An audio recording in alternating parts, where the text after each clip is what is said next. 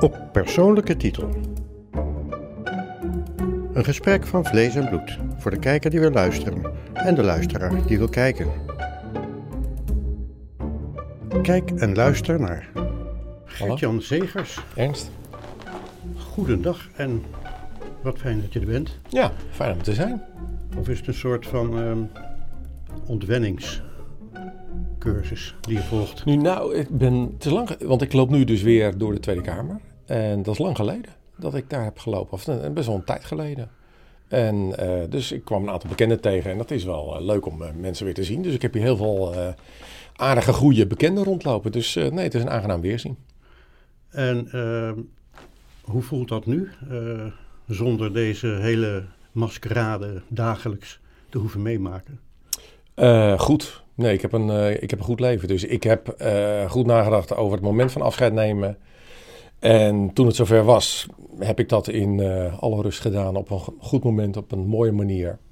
En dan is het ook klaar voor mij. Dus uh, het is even wennen van, hey, ik heb een nieuw ritme. Ik moest mijn leven opnieuw inrichten met nieuw werk. Uh, en dat is even zoeken. En daar heb ik in het voorjaar heb ik daar een goede landing uh, op gehad. En dan is het nu klaar. Dus nee, het gaat goed. En ik ben blij dat ik niet meer een campagne hoef te doen. Ja, daar komen we zo. Was je al bezig met een volgende klus? Uh, althans, een, kijken naar een andere job, voordat wij het wisten, zeg maar? Nee, zeker niet. Nee, oh. nee dat vind ik niet uh, moreel juist. Dus wat ik heb gedaan is ehm, het afscheid goed voorbereiden. En ik was eigenlijk tot het laatst ook heel druk. Als je in een coalitie zit, dan zijn er altijd binnenbrandjes. Er is altijd gedoe. Dus dat was ook toen.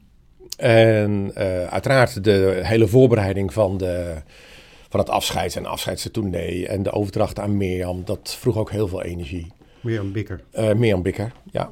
En uh, dus nee, dat was. Uh, maar dus ik vind het. Dus ik, ik had daar de mentale ruimte niet voor. Maar ik vind het ook niet juist om al bezig te zijn met een volgende baan.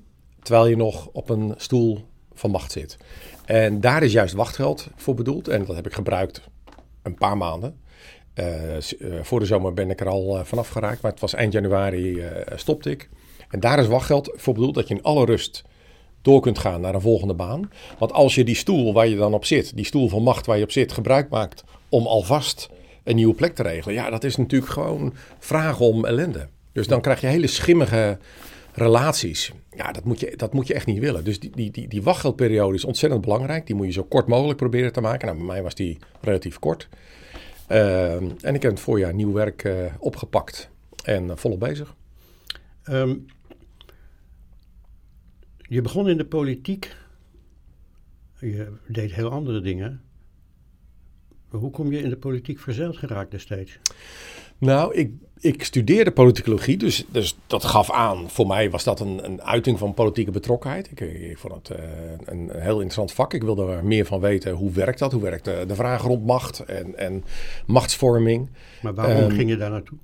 Um, dus op de middelbare school? Of ja, middelbare school. Echt, echt politieke interesse. Ik, uh, bedoel, ik heb de, de, de, de kruisraketten-discussie meegemaakt in de jaren tachtig. Uh, toen zat ik, uh, nou, ik was, ik was voor voorplaatsing van die, van die kruisraketten. En uh, het grootste deel van mijn klas die was daar tegen. En die ging demonstreren. En, dus dat waren toen al hele heftige maatschappelijke debatten. Toen was je puber, hè? Toen was ik puber. Ja. En toen was ik 18, 19. Toen ben ik gaan studeren. en voor mij is dat een uiting van, van maatschappelijke betrokkenheid. Ik vind politiek interessant. Ik ben betrokken op die samenleving. En ik wilde daar meer van weten. En uh, het vervolg daarop was dat ik aan de slag ben gegaan uh, bij de toen nog RPF-fractie. En uh, dat is een voorloper, een van de voorlopers van de ChristenUnie. Ehm, collega van Paul Blokhuis geworden, die later staatssecretaris is, is geworden. Prachtige kerel. Ehm, maar ik ben de politiek weer uitgegaan. Een jaartje journalist geweest en toen naar het buitenland, acht jaar. Um, en toen de politiek weer ingeroepen eigenlijk. Dus voor mij is, is, is het een soort persoonlijke betrokkenheid, interesse. Maar het echt werken in de politiek, dat is wel een uiting van uh, ja, wat ik dan toch maar roeping noem. In uh, 2099 was je journalist. 1999. Of sorry, ja, ja 1999. 2099 moet nog, uh, moet nog plaatsvinden. ja, ik zit natuurlijk een beetje in een eindtijdperiode. ja. Maar 1999 waren we dus samen collega. Jij van de EO en ik van de KRO. Ja, eh, dat wist ik niet. Ja, Wat ik, zijn, we, eh, zijn we elkaar tegengekomen toen? Nee, maar ik, eh, wat, wat ik van je weet is dat je in eh 99 dus bij de EO werkte. Ja. Ja, en in 99 eh, was ik in dienst bij de KRO. En zat je ook in de pers te horen? In, eh, in, eh, nee, in nee, nee, ik deed geen politiek. Oh, oké, oké. Nee, van- Radio 1. Oké, nee, vandaar dat we elkaar niet tegenkwamen. Nee, nee. Ja, nee, ik werkte bij eh EO Radio 1 en dat was, eh, ik zat vier dagen in de perstoren bij de Oude Kamer. Eh, en dan gingen we achtergrondreportages maken. En dat was nog met van die, van die oude banden. Ja. Die ging je dan eh, knippen en plakken. Nagraag. Ja, precies. Dat was echt eh, het oude handwerk. Ja. En, ehm, en dat heb ik ruim een jaar gedaan. Het woog 20 kilo, inclusief batterijen en nagra. Zo, Zo'n bak. ja. met twee microfoons in mijn geval. En dan soms ook de wereld over. Ja, ja. Een ander vak. Zeker, zeker. Ja, maar jij zat toen in Hilversum. Ik moest iedere dag naar Hilversum. Ah, oké. ja. Ja. Dus het was een, eh, Nou. Wat leuk. een, een- een- eh, dat heb ik 18 jaar gedaan. Gewoon oud eh, collega. Alleen ja, ik vind mezelf, ja, als je een jaar werkt, ik bedoel, ik, dat mag de naam journalist dan niet heten. Ja, op dat moment wel. Ja, op dat moment wel. Ik was het een jaar, maar ik ben het, de boel is niet echt mijn, mijn, mijn, mijn levenswerk, zeg maar. Dat, eh, nee. Nee, want eh, even terug helemaal naar het begin. Je groeit op, of je, nou eigenlijk niet. Eh, hoe zit dat? T- Lisse Ja. en dan Leeuwarden. Ja, ik ben geboren in Lisse. Eh, mijn beide opens waren bollenboeren, dus echt in eh nou ja, uh, bollenfamilies. Mijn vader was de eerste die ervoor koos om buiten de bollen te gaan werken. Dus die ging het onderwijs in en wilde eigenlijk had dan een, een, een verlangen om de kerk te dienen, om eh, in de kerk eh, te gaan werken als voorganger. En dat werd in 1977 werd dat werkelijkheid. En toen eh, is hij in Leeuwarden aan de slag gegaan. Dus toen zijn wij verhuisd van Lisse ik als achtjarige, en mijn ouders, ouder, eh, broers, zussen, het hele spulletje opgepakt en die afsluitdijk over. Ja, dat is voor mij wel een beeld. Oeps, dat is voor mij wel, wel, wel een beeld ehm, van roeping. Van als je het gevoel hebt, als je de overtuiging hebt dat je moet gaan, Ja, dan ga je. acht jaar had je die roeping niet. Je had met Nee, je vader mee te Nee. gaan. Ja, met mijn vader en moeder, die En die roeping wel hadden. Ja. Maar die hebben dat wel voorgeleefd. Dat als God roept, als jij de overtuiging hebt dat jij iets moet doen, ja, dan moet je dat ook doen. En, ehm, en dat, zo heb ik ook altijd proberen te leven. Dus ehm, ik ging, wij gingen die afsluitdijk over en ik weet nog dat ik achter de brede rug van mijn vader zat. En we gingen naar een land waar ze een andere taal spraken. En het was eh, oh, die afsluitdijk waar geen einde aan kwam. Dus het, ja, in, in een beleving van achtjarigen was dat, was dat buitengewoon imposant. Uh, indrukwekkende bijeenkomst. Nee, nou, ik was nieuwsgierig. Ik weet dat ik eh, toen mijn ouders het ons vertelden. Toen kwam ik thuis. Ik had buiten gespeeld. Ik kwam thuis. En ik zag mijn oudste zus en mijn oudste broer eh, huilend aan de tafel zitten. Ja. Want die hadden allerlei, die waren, zaten op de middelbare school al. Die hadden vrienden, vriendinnen. Eh, die vonden het verschrikkelijk. Verschrikkelijk dat ze alles los moeten laten. Dus die waren heel verdrietig. En ik was Waren onbevangen. Boos? Nee, niet. Nou ja, verdrietig, teleurgesteld. Pubers? eh, pubers, ja, nee, dus wel. Kijk, nee, die hadden echt wel mixed, eh, mixed feelings. Ja, die hadden zeker mixed feelings. Ja. Hoe is het met ze afgelopen? Nou, het grappige is dat iedereen heeft dezelfde opvoeding gehad en, en min of meer hetzelfde meegemaakt. Ook in de verschillende fasen. Hè. Dus de een was ouder, de ander was jonger. Ehm, maar dat je wel ziet hoe verschillend je kunt terugkijken op diezelfde jeugd. En ik kijk daar vrij positief over, op terug. Maar er zijn ook wel eh, familieleden die zeggen, nou, dat voor mij ook wel anders gemogen. Ja. En dat, ja, dat is een hele persoonlijke ervaring. Hm, Ja, een verhuizing, eh, zo rigoureus, is altijd naar of moeilijk in een gezin. Ja. Tenzij het een enorme verbetering is, dat kan ook natuurlijk. Nou, kijk, het, het heeft mij in die zin veel, veel gebracht dat ik heb gezien dat ehm, als je gehoorzaam bent aan die stem die je, die je hoort, eh, als je eh, wilt luisteren naar die roeping die op je afkomt, dat betekent niet dat het altijd makkelijk is, maar het geeft wel een enorme eh, richting, richtingsgevoel in je leven en een enorme drive ook. eh, om te blijven doen wat je moet doen, ook als het heel moeilijk is. En wat je nu ja, ook wel ziet, is mensen willen graag een leuk leven, of willen een fijn leven, of willen een makkelijk leven. Ja, ik geloof niet dat het leven alleen maar fijn, leuk en makkelijk hoeft te zijn. Soms is het ook moeilijk, maar het is heel betekenisvol als je van waarde bent. En als je dingen doet met je hart.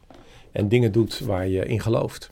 Hoe was het eh, toen in een onwennig Friesland, uh, het gezin, uh, mooi huis, fijne omgeving. Nou, dat, ja, wat, zou, wat, wat, wat zei Frans Timmermans? Een, een, een, een, een rijtjeshuis. alleen, ik denk dat hij een groot rijtjeshuis heeft en wij hadden een klein, een klein, een kleiner rijtjeshuis. ja, weet je, dat is voetbal op straat, dat is je weg vinden en naar school gaan.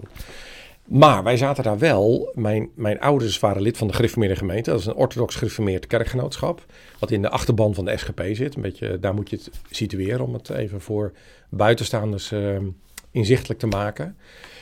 En dat heeft mij wel een wereldbeeld opgeleverd van wij zijn hier. Mijn vader was voorganger in een kleine kerk die nou, een beetje om, om hem heen gegroepeerd was, die om hem heen ontstond. Um, en wij waren echt anders dan anders. Dus ik voetbalde op straat en ik ging naar school, maar wij waren anders. Wij hadden geen tv. Mijn zus had een aan. Wij gingen op zondag twee keer naar de kerk. Ehm, en dat is wel een gevoel wat heel diep van binnen zit. Ik hoor er niet helemaal bij. Ehm, en dat heb ik altijd wel een beetje gehouden. Dat, dus dat is ook uh, de reden waarom je het Joodse volk hier in Nederland goed begrijpt. Ehm, ik snap heel goed hoe het is om een minderheid te zijn. En, en ik heb dat wel eens een keer gezegd. En dan zeiden mensen: ja, hou eens even, jij bent blank of wit, moet je tegenwoordig zeggen. Jij bent 50 plus, je bent uh, hetero, uh, je bent hoogopgeleid. bedoel, uh, wat nou? wat zul je nou? Maar dat diepe gevoel, ik ben net even anders dan anders. Ik hoor er niet helemaal bij. Ik, ik voel wel mee, maar ik ben anders. en dat je als minderheid maar moet hopen dat die meerderheid jou de vrijheid geeft. Uh, dat, heb ik, dat voel ik ook iedere dag nog. Uh, ik ben een orthodox christen. Dat is een minderheid. Ik behoor tot een minderheid. En ik weet dat daar mensen zijn die zeggen: luister, dat bijzonder onderwijs moet weg. Uh, al die privileges wat dan heeft, dat moet weg.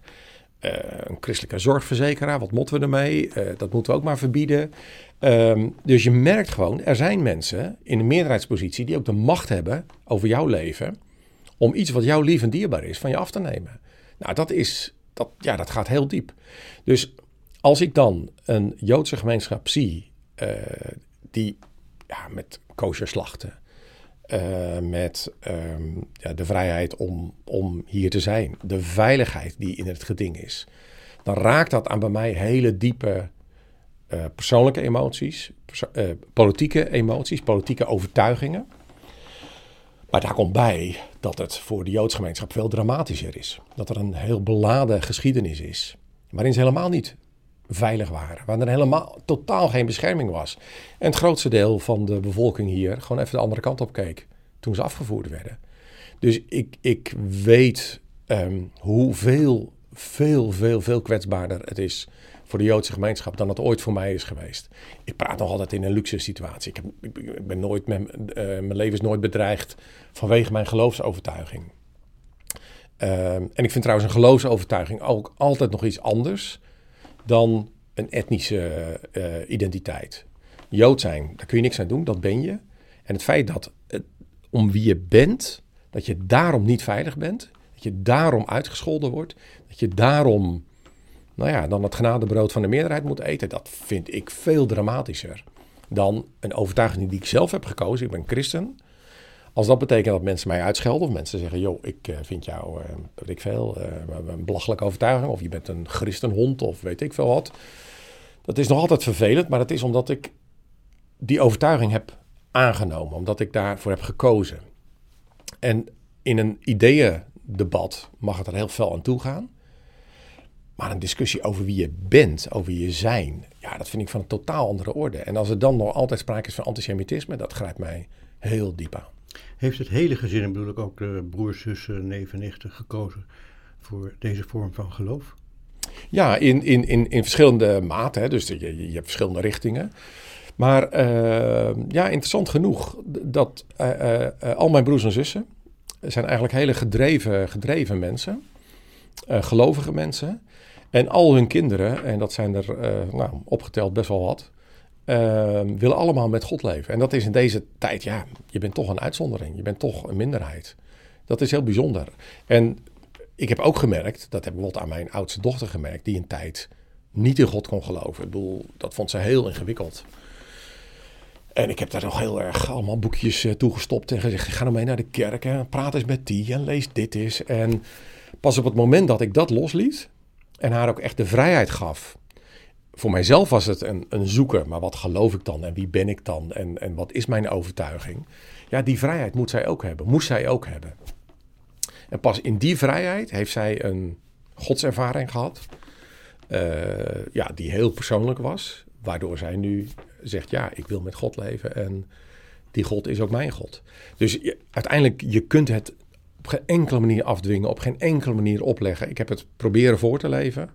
Uh, wij allemaal, uh, al mijn broers en zussen. Maar interessant genoeg, uh, ja, dus alle neven en nichten ook. Het zijn allemaal mensen die met God willen leven, ja. Dus je zit een heel trots mens. Nee, omdat dat zou betekenen dat je iets hebt afgedwongen, iets hebt gepresteerd. En juist toen mijn oudste dochter afhaakte, merkte ik, ik kan preken wat ik wil. Maar ik krijg dat niet hier tussen, tussen oren bij haar of in haar hart. Dat is heel persoonlijk. Ehm, nee, dus mijn moeder zegt dan altijd: wij zijn niet trots, wij zijn dankbaar.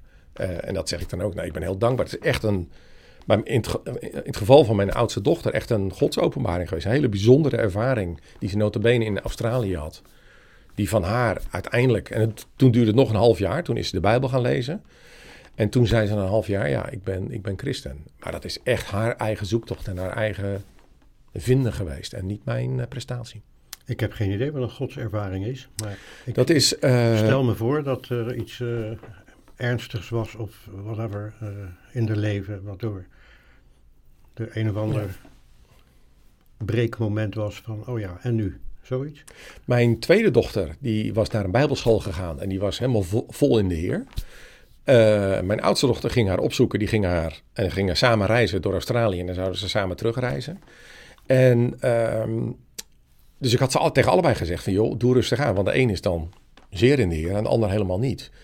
Dus ik zei joh, heb een beetje respect voor elkaar en, en hou het uh, gesprek open. Hè. Dus dat, dat, waren mijn vaderlijke aanwijzingen. Mijn oudste dochter zat toen op een punt dat haar grote vraag was... Zij was er intellectueel, was er ongeveer uit. Ik denk dat er een God is. Er moet een bron van moraal zijn. Er moet een bron van de, deze werkelijkheid zijn. Wij zijn niet alleen maar een schitterend ongeluk. Er moet ergens een bron zijn. Alleen ik denk niet dat je daar contact mee kunt hebben. Dat was waar zij was aanbeland. En toen was zij in een kerk. Ze was meegegaan met, mijn, met haar zus, mijn tweede dochter. En um, die had ter plekke gebeden in haar hoofd. God, wilt u alsjeblieft iemand nu op Anne afsturen en um, haar antwoord geven op haar vragen? Toen brak er een moment aan dat mensen elkaar een hand konden geven. En toen stonden ze daar en uh, alles zat daar ook een beetje met tegenzinnig. Allemaal weer blije liedjes, allemaal weer gedoe in, zo'n kerk. Toen was er iemand helemaal voor in de kerk, die draait zich om en die zag uh, uh, Anne, kijkt onmiddellijk naar Anne, die liep helemaal om. Gaf even Eline, onze tweede dochter, een hand. Jou moet ik niet hebben, nee, ik moet jou hebben. En zegt, ik heb het gevoel dat ik iets tegen jou moet zeggen. En toen zei ze, uh, en de woorden die haar raakten, want ze zei van alles, maar de woorden die haar raakten, God has an eye on you. Hij, hij ziet jou, hij kent jou, hij weet van je, hij houdt van je. En dat was het antwoord op haar grote vraag. Is, ik denk dat er een God is, maar ik denk niet dat hij me ziet. Ik denk niet dat je daar contact mee kunt hebben. En out of the blue, als antwoord op een gebed van, een stil gebed van de tweede dochter, staat iemand op, loopt naar haar toe en zegt dit. Zij was helemaal van de sokkel geblazen. Ja, hier, ik, ik, ik, dit is een bovennatuurlijke ervaring. Uh, dit is iets heel geks. Uh, ja, wat moet ik hiermee? Toen is ze opnieuw, ze had al eerder de Bijbel gelezen, maar toen is ze opnieuw de Bijbel gelezen. En dat heeft haar in het hart geraakt. En toen na een half jaar, toen zei ze, ja, ik, dit, dit, ik, ik aanvaard dit als het woord van God. En, en, en zo spreekt God in mijn leven, ja. Uh, duidelijk dat, dat helemaal bovenaan in als eerste bij uh, Gert-Jan als die morgens opstaat, boven komt deze, uh, ja, deze adoratie voor God, voor christelijk geloof. Uh,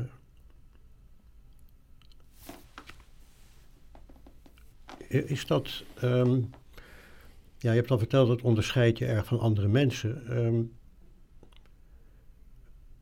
wat voor verschil is er nou wezenlijk dan ook in de politiek tussen iemand die dit hmm. zo gelooft en zo duidelijk ook vertelt, en de anderen die of in een totaal ander of niet gelovig zijn? Ja. Wat is die discrepantie? Waar merk je dat aan? Nou, om te beginnen is er veel overeenkomst. Uh, omdat ik geloof dat het de wereld van God is. Omdat uh, die op een bepaalde manier gemaakt is. Waar waarheid te vinden is, waar recht te vinden is, waar moraal te vinden is. En heel veel moraal delen wij. Respect voor elkaar, vrijheid. Er is heel veel wat, wat, wat, wat ons verbindt. Dus het mooie is dat hier in dit gebouw heb ik heel veel gedreven, mooie mensen ontmoet. Die die geloofsovertuiging van mij niet delen, maar wel het goede willen doen voor dit land. Um, waar gaan dan die wegen uit? Waar, wat, waar, waar maakt het verschil?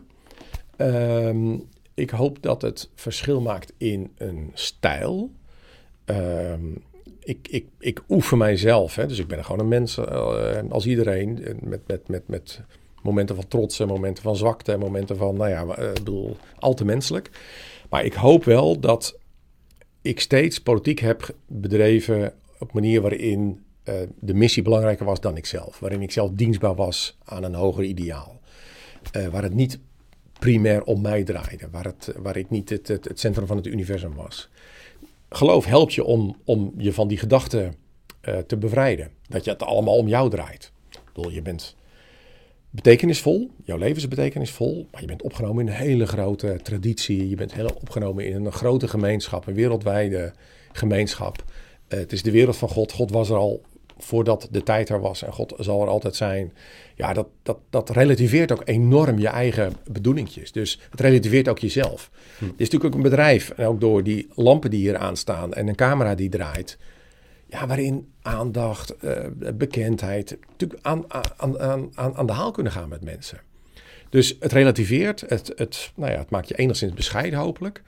Um, uiteindelijk geloof ik dat alle politieke beslissingen gaan terug naar een mensvisie en naar een samenlevingsvisie, naar een, naar een overtuiging, naar een geloof. Nou, bij mij gaat dat terug naar een geloofsovertuiging. Dat wij hier op aarde zijn om God te dienen en om onze naasten te dienen. En om goede uh, rentmeester te zijn van dat wat God ons heeft toevertrouwd. Dus dat je leven beschermt, dat je voor vrijheid opkomt, dat je voor gelijkheid opkomt, dat je voor kwetsbare mensen opkomt, dat je voor de schepping opkomt. Um, maar ondertussen kom je ook in een situatie terecht uh, van, uh, ja, er moet geformeerd worden. Uh, Alexander Pechtold, die als Rutte er even niet is, neemt je apart in de Kamer. En dan passeren er dingen die ongelooflijk ja, politiek slecht zijn. naar de mens Gert-Jan Segers toe ook, want los van alles ben je daar toch gewoon als mens. En krijg je allerlei, mensen. Ja, ja. je, je, krijgt allerlei schofferingen. En, en, en hoe pruim je dat dan? Um, nou, waar je, je bent op... toen enorm beledigd door Alexander Pechtold. Ja, beledigd. Uh, waar je nou. op doelt, dat is de formatie van 2017. Ja. Uh, de eerste poging met GroenLinks was mislukt.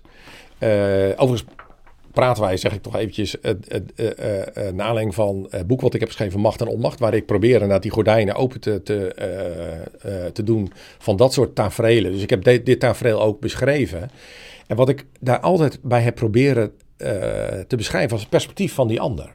Waarom doet iemand wat hij, wat hij doet? En dat heb ik ook geprobeerd bij uh, Alexander, bij Alexander Pechtold. Ja, maar wat deed het met Gert-Jan Segers? Nou, op dat, moment was ik, op dat moment was ik boos. Uh, kijk, wat hij deed was, uh, en dat heeft hij later ook uitgelegd. Hij zei, ik wilde, moest nog een keer terug naar GroenLinks. Ik kon alleen maar met de ChristenUnie onderhandelen, formeren en, even een glaasje water erbij, eruit komen als echt het onderste uit de kan was gehaald in relatie tot, uh, tot GroenLinks, dankjewel. Um, en dat snapte ik wel. Alleen wat ik later tegen hem zei van... joh, je had dat hele toneelstuk, had je niet hoeven opvoeren. Je had het gewoon tegen mij kunnen zeggen. Had ik alle begrip voor, hadden we zo uit kunnen komen. Wat hij deed was um, een opzetje om duidelijk te maken... dat hij niet met mij verder kon praten. En dat hij terug moest naar GroenLinks. En daarmee zette hij VVD en CDA voor het blok van... we moeten terug naar Jesse Klaver uh, op dat moment. Um, ja, we hebben daar toen, weet ik veel, twee uur of zoiets. Of misschien nog wel langer, misschien wel tweeënhalf uur. Hebben we in dat, in dat zaaltje gezeten. Ede Schipper, uh, Alexander Pechtold en ik. Hij had het verkiezingsprogramma van de ChristenUnie had hij, uh, had hij voor zich met allemaal geeltjes erin. Ze had het hele weekend had die hele fractie bezig geweest. Om alle redenen te bedenken waarom ze vooral niet met de ChristenUnie zouden moeten gaan onderhandelen. Dus ook het Israël-Palestijnen conflict, hè, dat werd ook allemaal uitgemolken. En ik moest over CRISPR-Cas en ik moest over alle medisch-ethische onderwerpen. Ik moest, nou, van alles kwam er langs.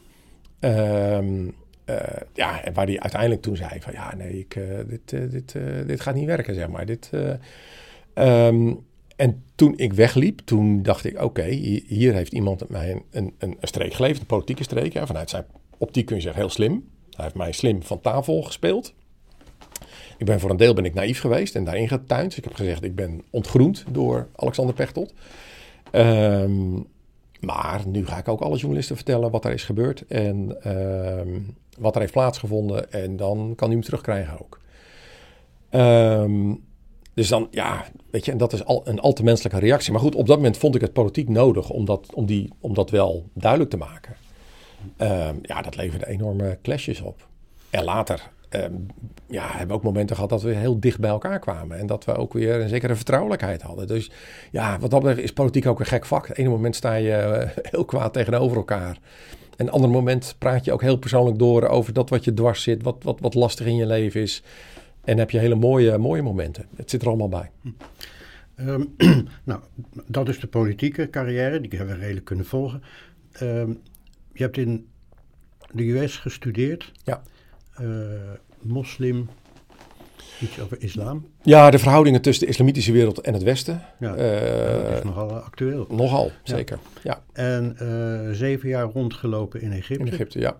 Uh, heel typisch, uh, zeven getal. Het lijkt, ik, ja. ik, zie iemand voor me in een lang gewaad op uh, sandalen, maar dat, zal, dat is nee. niet, niet bijbels geweest. Nee. Um, wat voor wijze lessen zijn daaruit gekomen?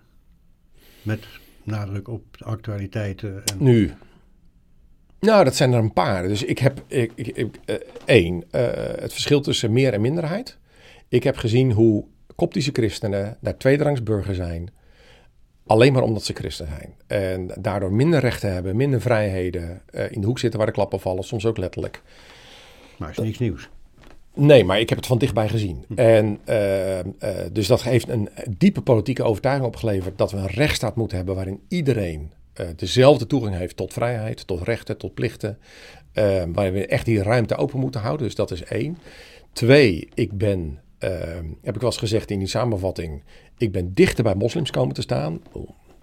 Mensen thuis geweest, uh, Ramadan meegevierd, uh, of uh, iftar maaltijd meegevierd, vriendschappen gesloten. Maar ik ben verder weg bij de islam komen te staan. In ieder geval bij de huidige islam. Hè. Dus ik, ik pretendeer niet te weten wat de islam is.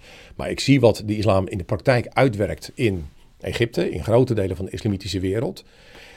Dat is geen vrijheid. Dat is geen volle vrijheid. Daar ben ik buitengewoon kritisch op. Dus je ziet dat dat in Nederland nog heel omzichtig dan wordt besproken. Uh, want dan zou je islamofoob zijn. Ik ben bevriend met moslims. Uh, er zijn vrijheidslievende moslims. Er zijn moslims die opkomen voor vrijheid. en tegelijkertijd in de toepassing van de islam zie ik heel veel onvrijheid. En die onvrijheid moet je bestrijden. Dat is een politiek doel. Je moet opkomen voor vrijheid, opkomen voor minderheden die in de knel zitten, wat die minderheden ook zijn. Dus dat is een tweede. Het derde is, um, ik, nou, ik wist dat Egypte had vrede gesloten met Israël. Uh, in ruil daarvoor kwam de Sini terug naar Egypte, hebben ze een streep in het zand getrokken. ambassades zijn er tot stand gekomen, diplomatieke betrekkingen. Maar er was geen vrede met het Egyptische volk. Dus Jood is een scheldwoord. Israël is, is, is buitengewoon gevoelig. De aanwezigheid van Israël is heel gevoelig, om het mild te zeggen.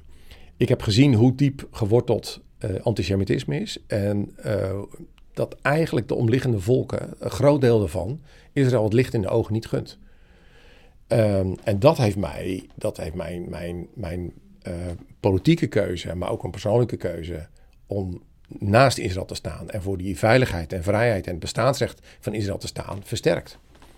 Um, en dat op geen enkele manier is dat islamofoob. Ik bedoel, mijn vrienden wonen er. Uh, ik heb er zelf uh, zeven jaar uitgehouden. Dus dat, dat doe je niet als je mensen haat. Ik bedoel, ik haat de mensen helemaal niet. Maar in die politieke overtuiging heeft er wel een verdieping plaatsgevonden. Maar ik zeg, ja, wij moeten echt naast Israël staan. Want um, dat is buitengewoon kwetsbaar. Het is een land wat altijd één oorlog verwijderd is van het einde van een gruwelijke etnische schoonmaak. En hoe dat eruit ziet, hebben wij pas gezien toen Hamas de grens overtrok. En gezegd gewoon zonder onderscheid. Wie ze ook maar binnen schotbereik hadden, die werd afgemaakt op een gruwelijke manier. Of uh, als gegijzelde meegenomen. En ik verlang intens naar vrede, ook voor Gaza. De, de, de doden die er vallen is afschuwelijk. Elk mensenleven is waardevol. Ook mensenlevens in Gaza. Maar Hamas is een, is een, is een bron van, van kwaad. Dus uh, ja, die politieke overtuiging heeft zich ook verdiept. Ja, uh, daar of al eerder? Ja, daar. Of, want het is nee, dus het komt voort ook uit een opvoeding. Dus, dus, dus mijn vader sprak over Israël als een godswonder. Dat het Joodse volk, die, wat zo lang in de diaspora heeft geleefd, wat wonderlijk genoeg zijn identiteit heeft behouden. Want als je als kleine minderheid over de hele wereld verstrooid bent, dan is het logisch om op een gegeven moment te assimileren, op te gaan. Dat, dat, dat, en dat, dat, dat ze hun identiteit hebben behouden is, een, is, is wonderlijk. Maar dat ze terugkeerden op de plek waar ze ooit uh, vandaan zijn gegaan, is ook een wonder. Uh, daar ben ik mee opgevoed. Um, maar dat heeft niet altijd zo sterk geleefd. In mijn studententijd was dat nou niet echt een, een, een issue. En, maar dat is wel in die tijd in het Midden-Oosten, is dat wel weer, ja, heeft zich dat weer verdiept en weer teruggekomen. Ja. Zijn de ouders er nog? Mijn vader is al heel lang geleden overleden. Uh, ik was toen 21, of 20 zelfs. En ik denk 20, ja. Uh, en mijn moeder leeft, uh, leeft uh, gelukkig nog, ja. dat verlies van die vader, hoe heeft dat erin gehakt? Ja, enorm, enorm. Dat was mijn, mijn, mijn eerste grote schokkende gebeurtenis in mijn leven. Ik, ik, ik nam op maandag afscheid, april hij was ziek. 91. Hij was niet ziek. Uh, hij was burn-out, dus hij was, uh, het leven viel hem zwaar. Um, maar hij was, nee, hij was niet ziek. Dus ik heb op maandag afscheid genomen. Um, en dus afscheid genomen in de zin van, ik ging naar Leiden. Ik, ja. ging, ik studeerde daar, dus uh, ik pakte gewoon het openbaar vervoer en ik ging weer studeren en ik zou weer vrijdag weer terugkomen. Dus hij zwaaide mij uit en op woensdagavond kreeg ik een telefoontje van mijn zus. Ehm, papa is overleden. En ik kwam terug, ik reed terug naar Leeuwarden en ik uh, trof hem in de kist aan. Dus op, op maandag zwaaide hij me uit en op woensdag lag hij in zijn kist. Dat kan dat is, zomaar. Dat kan zomaar een hartstilstand, ja.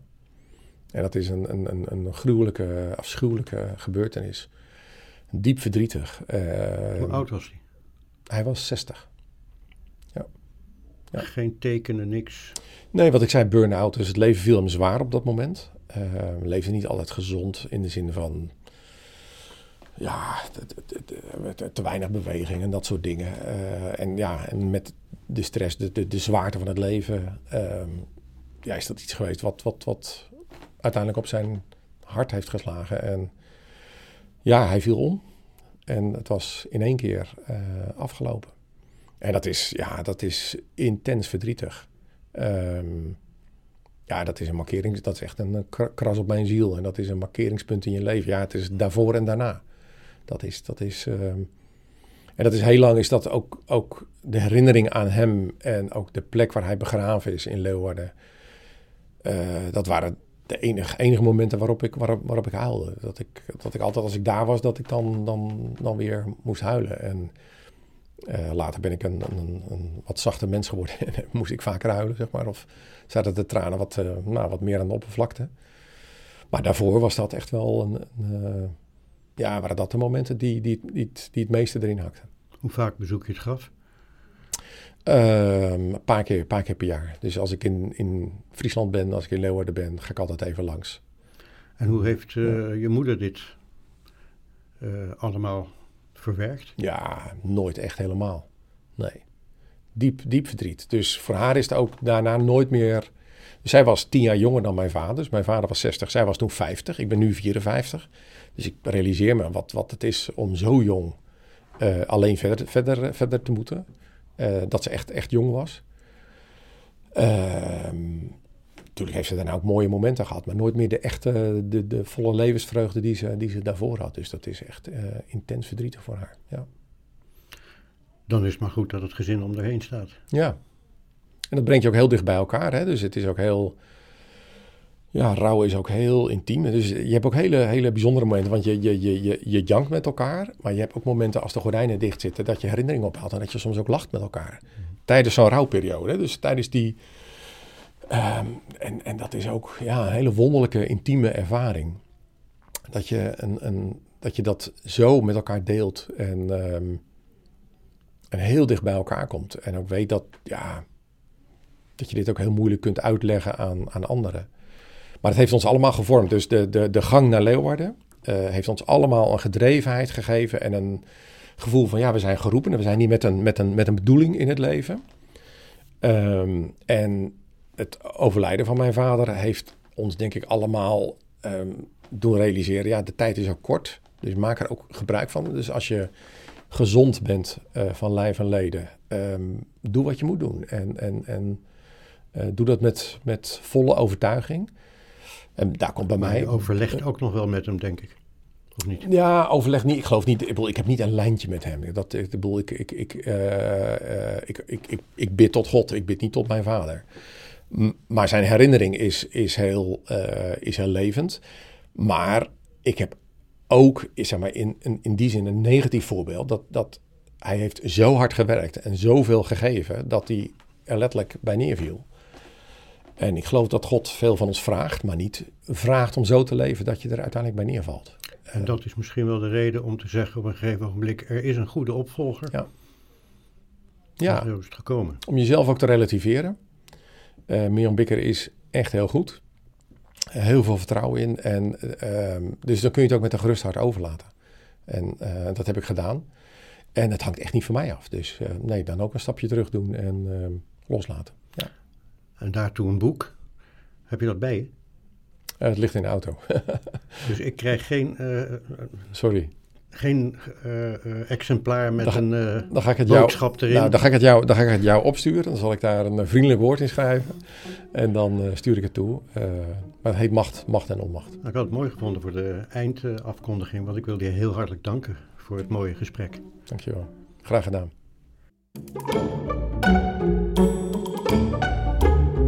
U heeft geluisterd naar Op Persoonlijke Titel. Samenstelling Ernst Lissauer. Vormgeving, branding en online productie Carlos Jurissen. Zakelijk advies Jan Riemens.